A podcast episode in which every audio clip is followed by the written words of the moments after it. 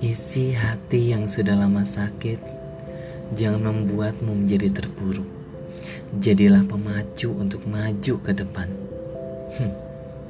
Setiap minggunya di cerita hati, kalian akan mendengarkan cerita hati yang di paling dalam.